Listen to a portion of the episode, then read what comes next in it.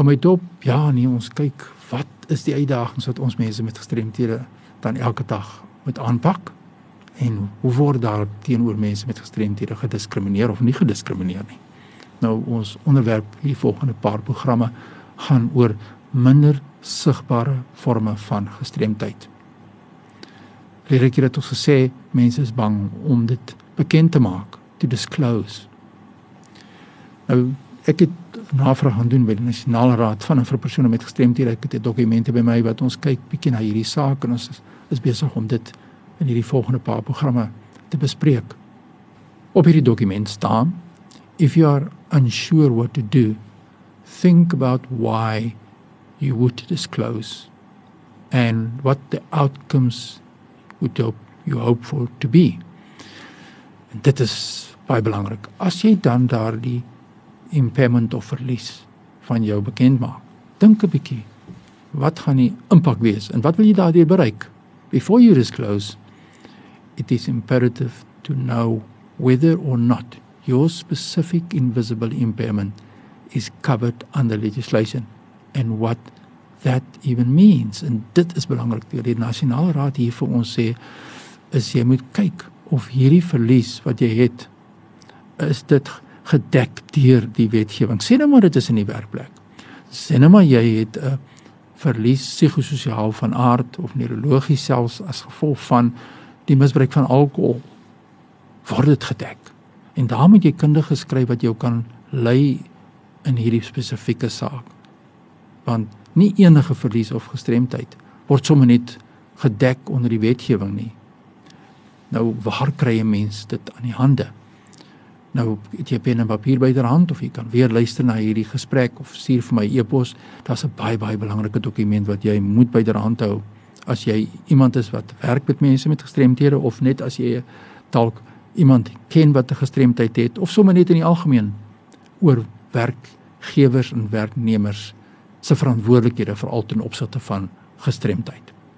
Hierdie dokument se naam is Technical Assistance Guidelines on the Employment of Persons with Disabilities.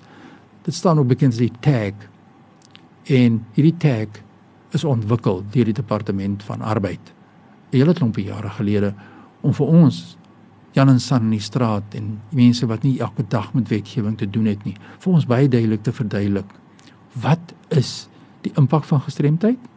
Watter forme van verlies is inderdaad 'n gestremdheid? Wie kwalifiseer en wie kwalifiseer nie? En hoe kan ons te werk gaan indien jy of 'n familielid van jouself iemand is met 'n gestremdheid en wie weet hoe om na vore te kom daaroor nie? hierdie dokument net weer is 'n technical assistance guidelines on the employment of persons with disabilities. Die nasionale raad van vir persone met gestremthede sê this document is clear regarding the concepts of persons with disabilities, reasonable accommodation as well as the criteria to be covered under this applicable legislation. So wat is die kriteria? Ons kry nie elke dag nie met te doen nie en ons is onseker wat gedoen moet word. Baie belangrik is jou werkgewer kan jy nie sommer net afdank as jy ewe skielik 'n onsigbare vorm van gestremdheid of impairment in Engels opdoen of onder het nie jy kan nie sommer net afgedank word nie. Daar is sekere wettige prosesse wat in plek geplaas moet word. Die belangrikste is jy moet nog net steeds by magte wees om die minimum vereistes van die werk waarvoor jy aangestel is te kan doen. Maar as jy dan as 'n persoon met 'n gestremdheid geklassifiseer is, dan kan jy aanspraak maak op redelike akkommodasie. So jy kan gaan in bekend maak hierdie verlies wat jy het of gestremdheid as dit dan 'n gestremdheid is en dit word gedoen op baalweg by die in jou werkgewer se kantore wat hulle noem human resources, menslike hulpbronne en ek sal ook voorstel dat jy jou werkgewer, jou onmiddellike toesighouer betrek by die saak. Hierdie moenie 'n misterieuse saak wees nie. Indien jy verlies beleef, kom na vore.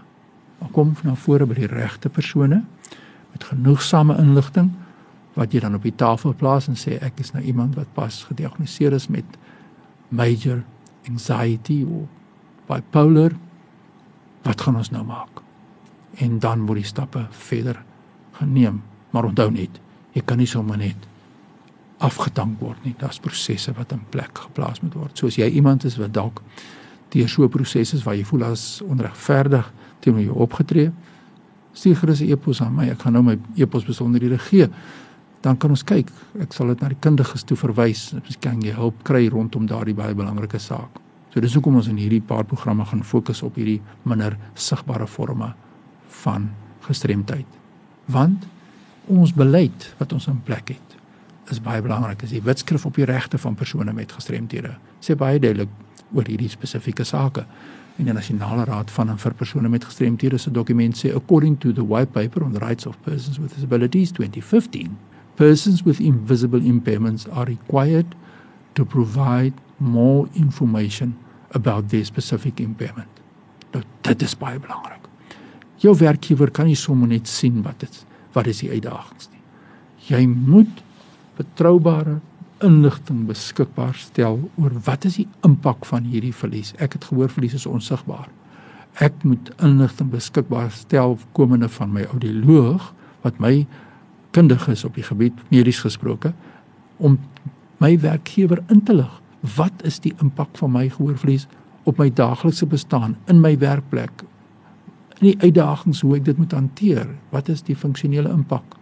En dit is waar die raad dan sê die nasionale raad van en vir persone met gestremthede, a functional report from a registered health professional will bring clarity about the functional impact of your impairment and will add value to the process of reasonable accommodation.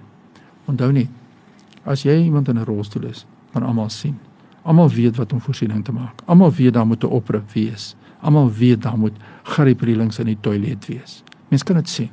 Maar wanneer die minder sigbare vorme van verlies te sprake is, weet mense nie. Daarom sê die beleid bring asseblief inligting. Gee inligting om mense tot insig te kan laat kom oor die baie belangrike saak. Nou ja, stuur van jou nou 'n e-pos gesels saam oor hierdie kwessie van die hantering van minder sigbare vorme van verlies in die werkplek byvoorbeeld. My e-pos is fani.dt@mweb.co.za. Ons gesels volgende keer verder oor hierdie baie belangrike saak en dit is minder sigbare vorme van verlies of gaan gestremdheid. Tot volgende keer, groetnis.